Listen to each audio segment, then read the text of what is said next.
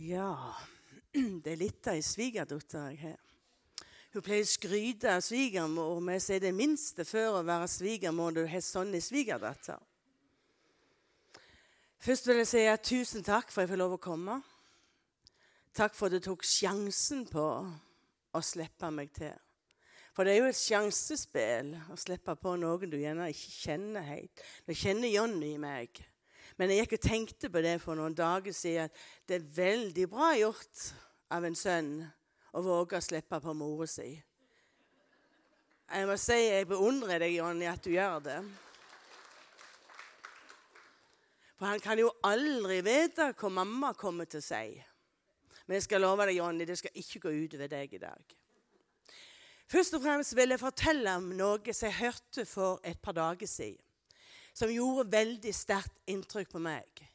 Som gir et veldig klart inntrykk på mannen Jesus hvem han er, og hvor mye han egentlig bryr seg om oss. Og hvor mye han egentlig følger med hva vi trenger til, og hva vi ikke trenger til. Jeg har en venninne som har bodd i Flekkefjord noen år. Men hun mista jobben og reiste til Skien. Hun og mannen og en sønn. De kjøpte seg et stort, dyrt hus. Og det koster jo å ha store, dyre hus. Det blir noen tusen i måneden. Og de hadde kanskje ikke regna med de voldsomme utgiftene dette store huset kom til å bli for dem. Og det begynte å minke i kjøleskap, det begynte å minke i fryseboksen, og det begynte å minke på kontoen. Det var faktisk kommet så langt det var ikke penger igjen til mat. Og det er ganske tøft det i landet Norge, at mennesker faktisk skal oppleve at det ikke er penger igjen til mat. Og Da kommer denne sønnen til sin mor, og så sier han det.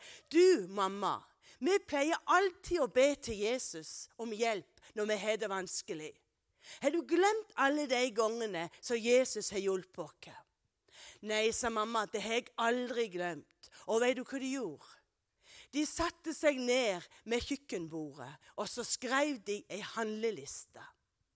Og det er klart, Hvis det er tomt i kjøleskap og fryseboks, så var det sikkert ikke sånn de lite handleliste. Men jeg kan tenke meg om det har vært veldig lang.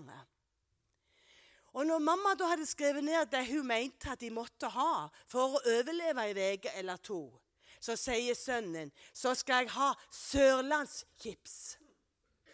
Nei, sa mamma, ikke sørlandschips. For det er ikke mat. Jo, sa han, det er mat for meg. Jeg vil ha sørlandschips. Og så er det, er en sjokoladesort, jeg husker ikke hva den heter, som han òg ville ha. Nei, sa mamma, der går grensa. Ingen sjokolade. Jau, sa sønnen, skriv sjokoladen. Og hun skrev opp sjokoladen. Og det var litt av ei liste. Dette var en torsdag. Og så la de hendene på lista, og så gikk de til Jesus med, med det. Og la fram denne lista for han. Og jeg tenkte med meg selv, kanskje han står i himmelen, og så leser han lista. Men vet du, jeg tror han visste om behovet lenge før den lista ble skrevet. Sånn kjenner iallfall jeg Jesus. Så gikk torsdagen, så gikk fredagen, og da var det nest bare skorpe igjen. Så tenkte de ja, ja, Gud. Om du ikke hørte denne gangen, så er det greit. Vi skal nå klare å overleve på et eller annet vis. Vi får ringe til mamma og spørre om jeg kan få noen kroner av henne, så jeg kan få handle noe mat. På lørdag etter middag så ringer det på døra. Og utenfor står der en mann. Han hadde en ganske stor varebil når de da skulle se etter hva han kom i. Denne mannen viste seg å være en mann i menigheten som drev med litt sånn eh, handel. Han eide en butikk eller to, eller kanskje tre òg. Så sier han, 'Du, jeg er ikke blitt så mindre på å gi dere en kasse med mat.' Og hun kjente jo hun venninna mi at det begynte å banke litt ekstra. En kasse med mat. Jippi! Så gikk han ut og henta en kasse med mat. Satte han på ganggulvet. Og da begynte min venninne å grine. Så kikka han opp på henne, Og så sa han, 'Hvorfor griner du?' Jeg sa, 'Vi har bedt til Jesus om at han må sende mat, for vi har ikke mat.' 'Er det sant?' sa han. 'Vent litt.' Så for han ut i bilen og henta den ene kassen etter den andre. Han torde ikke komme med alt med en gang, for det så litt voldsomt ut. Når han hadde båret inn tre eller fire kasser, så står han lille gutten som heter Chris Heike. Så står han og kikker ned i kassa og ble litt lang i maska. For det var noe han så etter. Sørlandschipsen. Hvor var sørlandschipsen? Så kikker mannen på han, og jeg sa han, jeg skjønner, jeg må visst være lydig. Så for han ut i bilen igjen. Kom inn med en kasse, og gjett hva som lå i den kassen. Sørlandschips. Det lå fullt med sørlandschips på toppen. Og så løfta han vekk det her i Sørlandsskipsen, og så så han i bånden. Der lå akkurat hans favorittsjokolade. Og gjett om det ble jubel og julaften i heimen. Så sier denne mannen, 'Når begynte dere å be til Gud om denne maten?' På torsdag, svarte min venninne. Ja, vei du, sa han. Det var på torsdag Gud talte til meg om at jeg skulle fylle opp bilen med matvarer fra butikkene og kjøre til deg. Men, han, når jeg kom kjørende, så måtte jeg bare kjøre forbi det store, svære huset. For jeg tenkte det kunne umulig være noe behov i den heimen der de hadde sånn et flott hus. Så jeg kjørte hjem igjen med matvarene. Men i dag når jeg våkna, så kjente jeg jeg kunne ikke vente lenger. Se, her kommer det. Og jeg tenker, for en mektig Gud vi har. Som bryr seg om. Så kan jeg mange ganger tenke ja, men hvorfor får ikke jeg noe? Det er ganske klart for meg at for å få noe, så må du ha et behov. Ingen skal fortelle meg hvis venninna si, mi sitt kjøleskap hadde vært full av matvarer, og det samme med fryseboksen, så hadde hun aldri fått besøk av denne mannen. Men Jesus er sånn at der behovet er, der kommer han. Og Har du et behov nå i formiddag? Har du noe i ditt hjerte som du ønsker Gud skal møte deg på? Så skal jeg garantere deg, for Guds ord sier at den som ber, han får. Jeg garanterer deg bønnesvar. Fordi Gud er ikke en sånn som han er, Men der står Gud er ikke et menneske, så han kunne lyge. Men Gud er veien, og han er sannheten, og han er livet.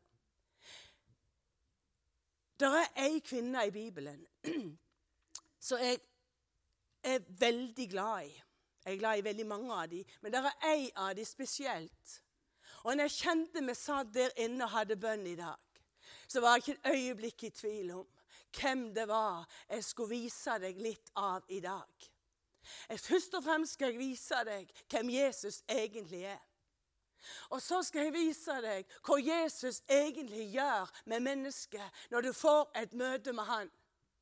For det er så viktig at du får et møte med Jesus. At du ikke bare får et møte med menigheten, eller får et møte med Guds tjenere, men du må ha et møte med selveste mesteren. Og får du et møte med selveste mesteren, så blir du et fullstendig annerledes menneske. En av disse kvinnene skal ikke lese så mye, for de aller fleste har lest om kvinnen ved brannen. Hun er blitt forkynt overalt i denne verden. For det er et sånn klart bilde av hvem Jesus er i den historien. Jeg har mange ganger forestilt meg denne kvinnen. Det står i grunnen ikke så veldig mye om hennes fortid, annet enn det som Jesus forteller henne når hun sitter med brannen. Men det er bare vi lov å bruke fantasien. Vi lov å forestille oss hvilket liv hun må ha hatt. For i og med det står hun hadde hatt fem menn, så sier deg sjel at hennes fortid den var ikke rosenrød. Hennes fortid var ikke noe som gjorde at mennesker så opp til henne. Jeg er sikker på at de fleste så ned på henne. Og kanskje det å kunne forvente seg litt hjelp. Der fikk hun bare bakvaskelse. Der fikk hun bare negative blikk. Der fikk hun bare blikk som var fullt av hån. Hun kunne forvente seg litt hjelp fra, fra fariseerne og de skriftlærde. Hun kunne forvente seg litt hjelp fra den leiren, men det var ingen hjelp å få. Alle de som var åndelige eller var såkalt kristelige i den tida, de behandla henne egentlig som noe som var lågt, lågt nede på rangstien. Det var ingen som spurte henne til råds. Det var ingen som spurte henne på gata. Og det var blitt så galt for denne kvinnen at hun valgte rett og slett å gå og hente vann på et tidspunkt da hun visste ingen andre gikk. Og bare det du vet at hun gikk på det tidspunktet, det får deg forstå at hun hadde en ganske tøff hverdag. Hun hadde et ganske tøft liv. For hun visste at hvis hun gikk forbi noen, så kan hun garantere at når hun hadde gått forbi, så var det hun som var samtalsemne. En fryktelig opplevelse å vite at når du går forbi en flokk med mennesker, så er det deg de snakker om. Og det er ikke positivt, det er negativt. Se, der går den hora. Vet du, hun har hatt så mange menn. Hvem gidder å ense, og hvem gidder å bry seg med henne? Ingen av de hun hadde truffet på sin vei, hadde et hjerte for sånne som hun. Og der kommer hun med denne krukka si på hodet til brønnen for å hente vann. Det var veldig varmt på den tida av døgnet. Og det var det som gjorde at de andre valgte å gå på et tidspunkt så det var litt mer svalt. Men hun gikk på den varmeste tida, for hun orka ikke all den negative bemerkningene og blikkene som hun fikk. Og jeg ser henne for meg til hun kommer gående. Hun er nedrullet, hun går og kikker bare ned. Hun går og tenker destruktive tanker. Kanskje hun til og med går med selvmordstanker. Det vet vi ikke. Det kan godt være. Men én ting er jeg helt sikker på. Hun gikk ikke der og tenkte på i dag er min dag. I dag er min frelsesdag. I dag er min utfrielsesdag. I dag er begynnelsen av resten av mitt liv. Jeg tror ikke hun tenkte sånn, men jeg tror hun tenkte enda en grusom dag. Enda en negativ dag. Jeg vet ikke om jeg orker flere sånne dager. Så kommer hun, så ser hun med brannkanten. Der sitter der en mann. Og på toppen av det hele så var det en jødisk mann. Og Hun visste at hun hadde egentlig ikke lov å snakke til denne mannen en gang. For hun var samaritansk, og han var jødisk. Og disse skulle ikke snakke sammen på den tida. Men hun tenkte jeg skal ha vann uansett. Og jeg tror når jeg kommer bort, og han ser meg, så reiser han seg opp, og så går han. Og så får jeg mitt vann. Lite antog at hun skulle få innlagt et helt annet vann den dagen som skulle bety mer for henne enn det menneskelige vannet som hun skulle hente i krukka si. Når hun kommer fram, så ser denne mannen på henne med øyne som hun aldri har sett inn i i hele sitt liv. Hun ser inn i noen øyne som stråler kjærlighet, som stråler godhet, som ikke visste det beste at disse øynene kunne gi henne. Og jeg tror allerede da begynte hennes hjerte å smelte. Allerede da så kjente hun i sitt indre at her kommer det til å skje noe. Jeg kommer til å få oppleve noe sterkt i dag. Og det var det hun gjorde. Nå sier ikke Bibelen noe om hvor lang den samtalen var der ved brannkanten. Men han var for lang nok til at Jesus fikk peke på det livet hun hadde levd. Da han sa til henne du har hatt fem menn, og den mannen du nå har, det er ikke din mann. Han kunne ha fordømt henne. Han kunne ha sagt du er ei synderinne, du er nesten ikke fortjent å leve videre. Men Jesus satt ikke der for å dømme. Men han satt der for å gi denne kvinnen et nytt liv. Og når hun da kjente på innsida at noe begynte å skje. Hun kjente at hatet, bitterheten, det gamle livet slepte mer og mer taket. Så er det vidunderlig å lese. Hun lot vannkrukka stå. Hun kom for å hente vann, men vannet var ikke viktig lenger. Det var noe annet som var blitt så viktig for henne. Og vet du hva det var?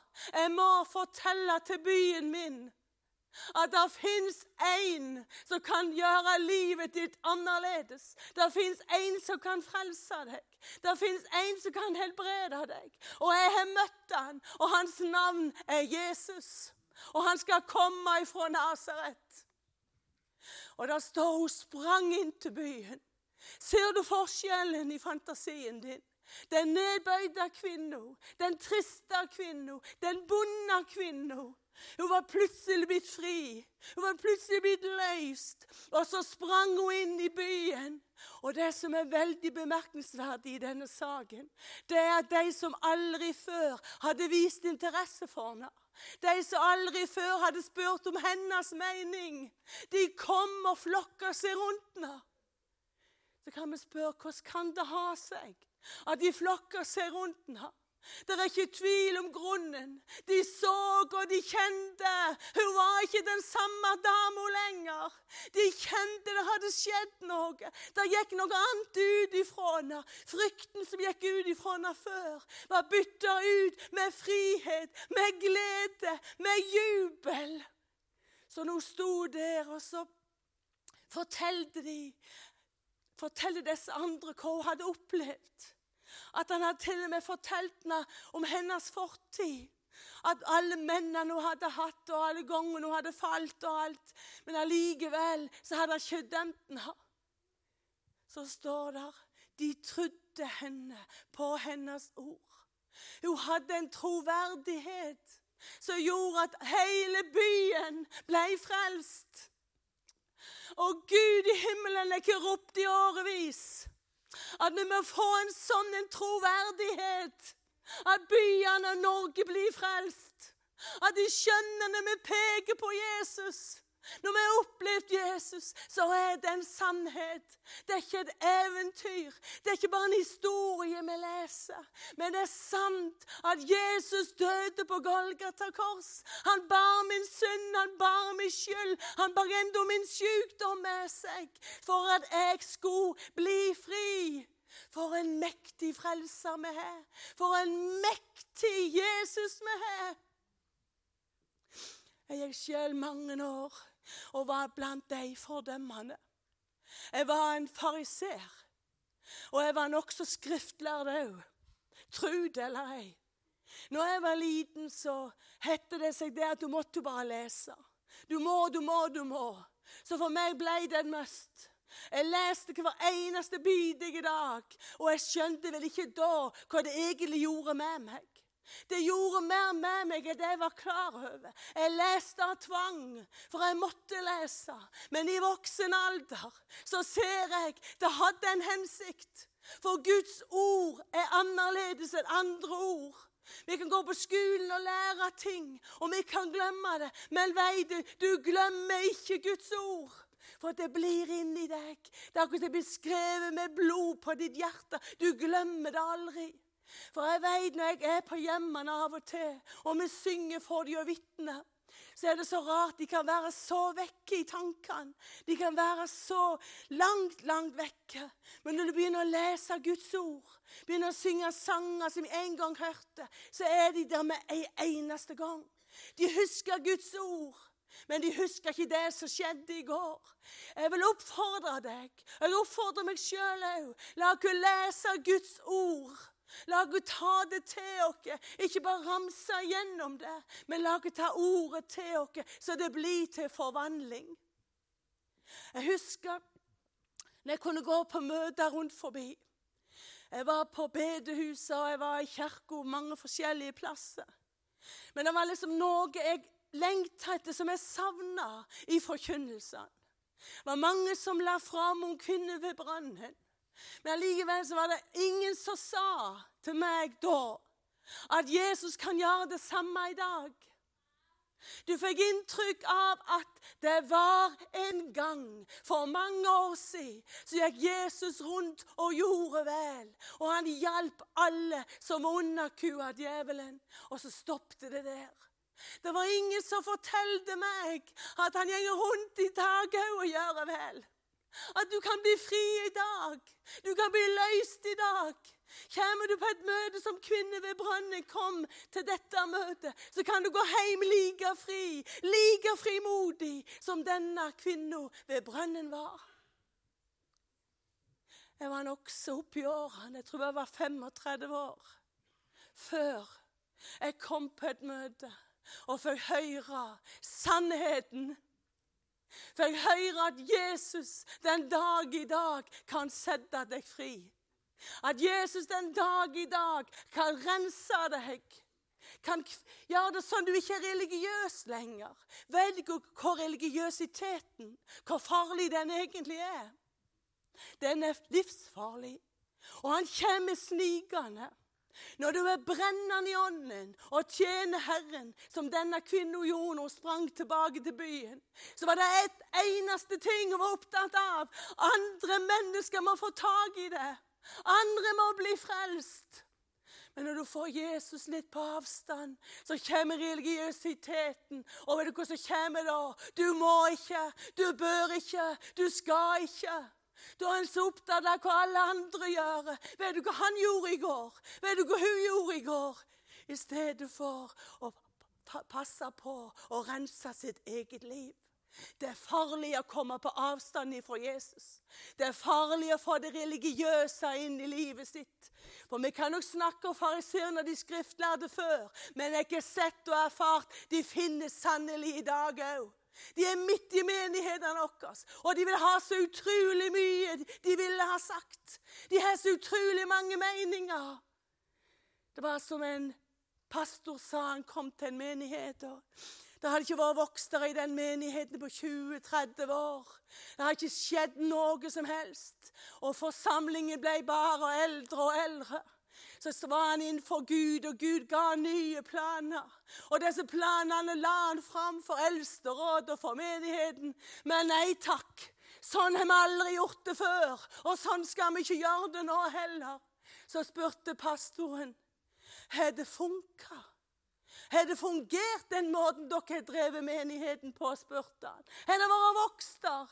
Nei, men vi har det jo så godt. Vi har det jo så fredelig. For du kan risikere når vekkelsen kommer, at du vil få problemer med å finne stolen din. Jeg har sett det hjemme i min menighet.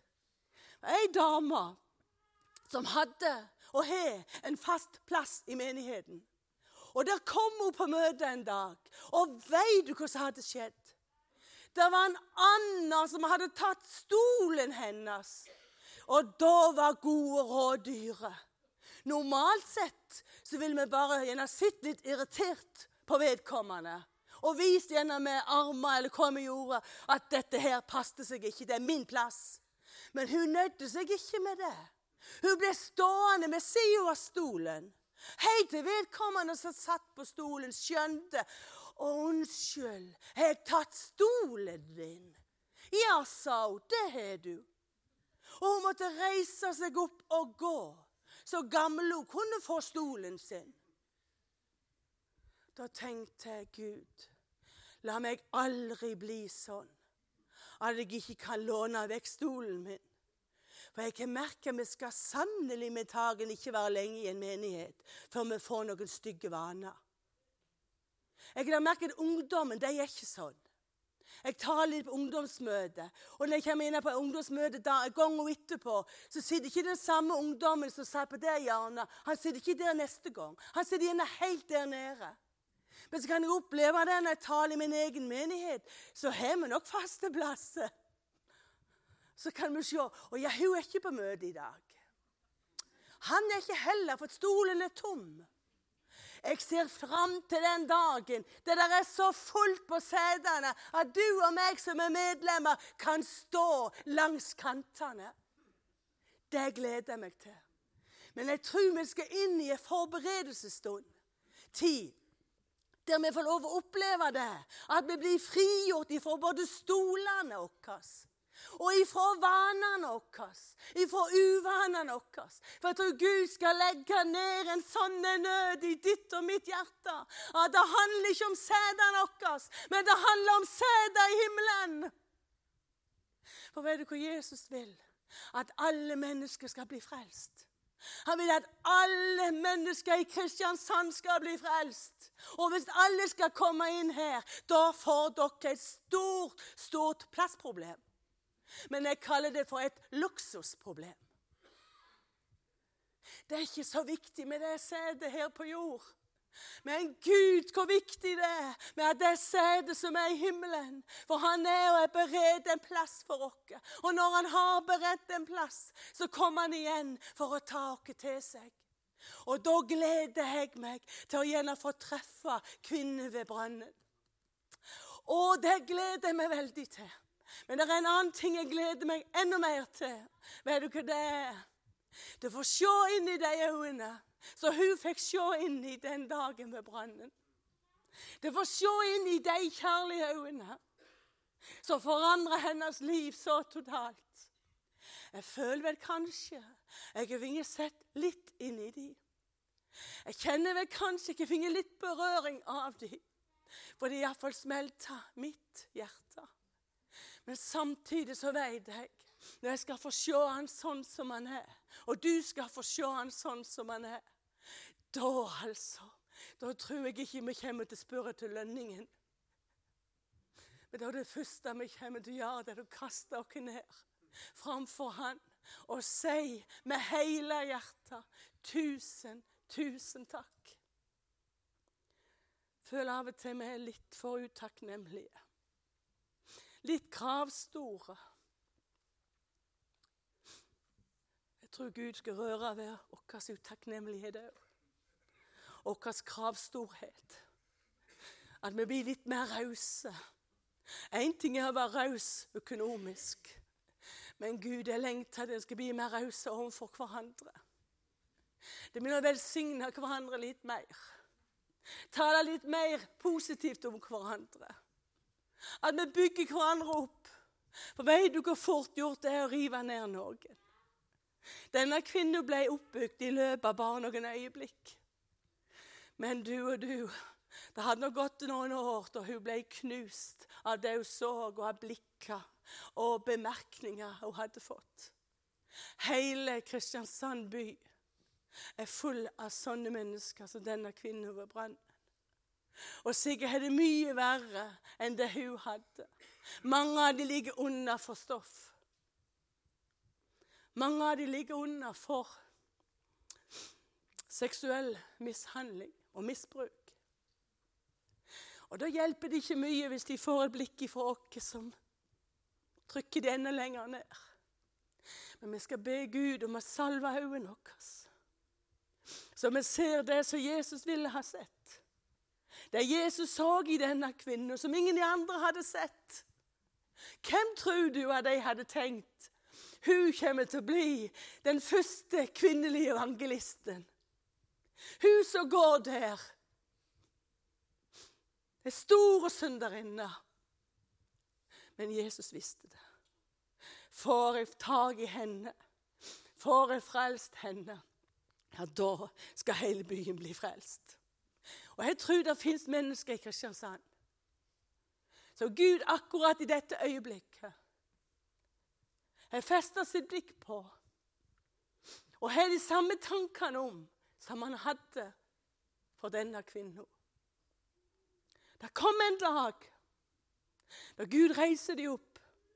Jeg har sett de mange ganger i mitt indre. Da Gud reiser opp narkomane. De som ingen her i byen har vært noe særlig glad i. For de har bare vært til plage. De har solgt stoff gjennom til ungene våre. Det vet vi ikke. Det kan hende. Men Gud har en plan. Halleluja. Og Så står du og meg skal vi få lov å være delaktige i at denne Guds plan skal gå i oppfyllelse. Og det blir vi delaktige i ved å be til Gud. Be meg, står der og jeg skal gi dere hedningene til eie. Så dere blir enige om å be til Gud at han skal la vekkelsesvinden komme og blåse over Kristiansand. Så det er ikke minker i menighetene, men at det øker og blir overfylt så det renner over. Kjære himmelske Far. Jeg takker deg, og jeg priser deg. Du er det beste, beste jeg vet om. Jeg takker deg, Herre, der står når vi har deg, så trenger vi ikke til noe annet her på jord. Men Jesus, kanskje veldig få av oss har sett den. For vi kaver og strever, vi skal ha så mye annet. Herre, det er ikke det du har noe imot han, vi har alt det andre. Men du har imot Jesus, at alt det andre kommer først, og du kommer på sisteplass. Herre, hjelp oss til å sette deg på førsteplass i vårt liv. Hjelp oss, Jesus. Sånn som vi synger, la meg få se ditt ansikt, kjære Jesus. Se oss glad på all din herlighet, i stedet for å la oss lure av all den jordiske herligheten. Mens baksiden på medaljen, Herre, det er ingen herlighet. Far, jeg ber for alle de som er på møte nå i formiddag. Jeg ber deg, Hellige Ånd, med skapermakt, at du går inn og skaper noe i hjertene. Jeg ber for de som kom til dette møtet, som kanskje innerst inne har det sånn som kvinner ved brønnen. Ingen forventninger til noe som helst. Jeg ber deg, Jesus, kom med din overraskelse. Overrask en person på dette møtet Jesu navn. La få kjenne akkurat det kommer et lys ifra himmelen og berører hjertet på en sånn måte at vedkommende går dansende hjem. Så familien ser her er det skjedd noe. At de merker det er en ånd, det er en annen kraft, det er en livsvilje ute og går. Jeg ber deg, himmelske Far, at du velsigner denne menigheten med en vekst. Her er ikke en vekst fordi de tar ifra andre menigheter, men en vekst av ufrelste sjeler. Takk for deg du har frelst, og takk for deg du skal frelse. Herre Jesu Kristi navn, så ber jeg du bare berøre mennesker til helbredelse. Berør de til utfrielse, Jesus. At de kjenner igjen at jeg kanskje ikke datt inn i noe religiøst. Kanskje det er noe religiøst som driver meg. Kanskje ikke det er kjærligheten til Jesus som får meg til å si det jeg sier, eller tenke det jeg tenker. Jeg ber deg, Herre. Det står Ild er jeg kommet for å kaste på jorden. Å, vi skulle ønske den allerede var tent. Jeg ber om at den ilden, Herre, skal bare antenne hver et hjerte nå i Jesu navn. Antent av himmelen med en kjærlighet i hjertet for de som ikke ennå er frelst. En kjærlighet i hjertet for de som ikke får det til. En kjærlighet i hjertet til de som ikke har opplevd kjærlighet i sitt liv noen gang. Jeg ber deg, Gud, at du forløser gavene som ligger her inne. Forløs de menneskers liv, Jesus. For alle skal ikke stå på talerstolen, men alle er kalt til å være dine evangelister rundt forbi, i heimene, på gatene. Alt dette kommer kjenne at Ånden leder dere til å gjøre. Jeg ber deg nå, Herre, at du bare kjenner hver enkelt. At det er min gave. Det er min tjeneste. Jeg vil ta tak i det igjen. Jeg vil oppegle igjen den ånd og den nådegave du har lagt ned i meg. Jeg vil inn i det du har for meg, Jesus. Jeg er ikke fornøyd med å sitte lenger bare her og se på de andre gå fram. Nei, nå vil jeg være med. Ber deg, far, at all negativitet må bare falle til jorden i Jesu navn, i vårt hjerte og la få være sånn som deg. Mennesker som går rundt og gjør vel, og hjelpe de som er underkua av djevelen. I Jesu navn. Amen.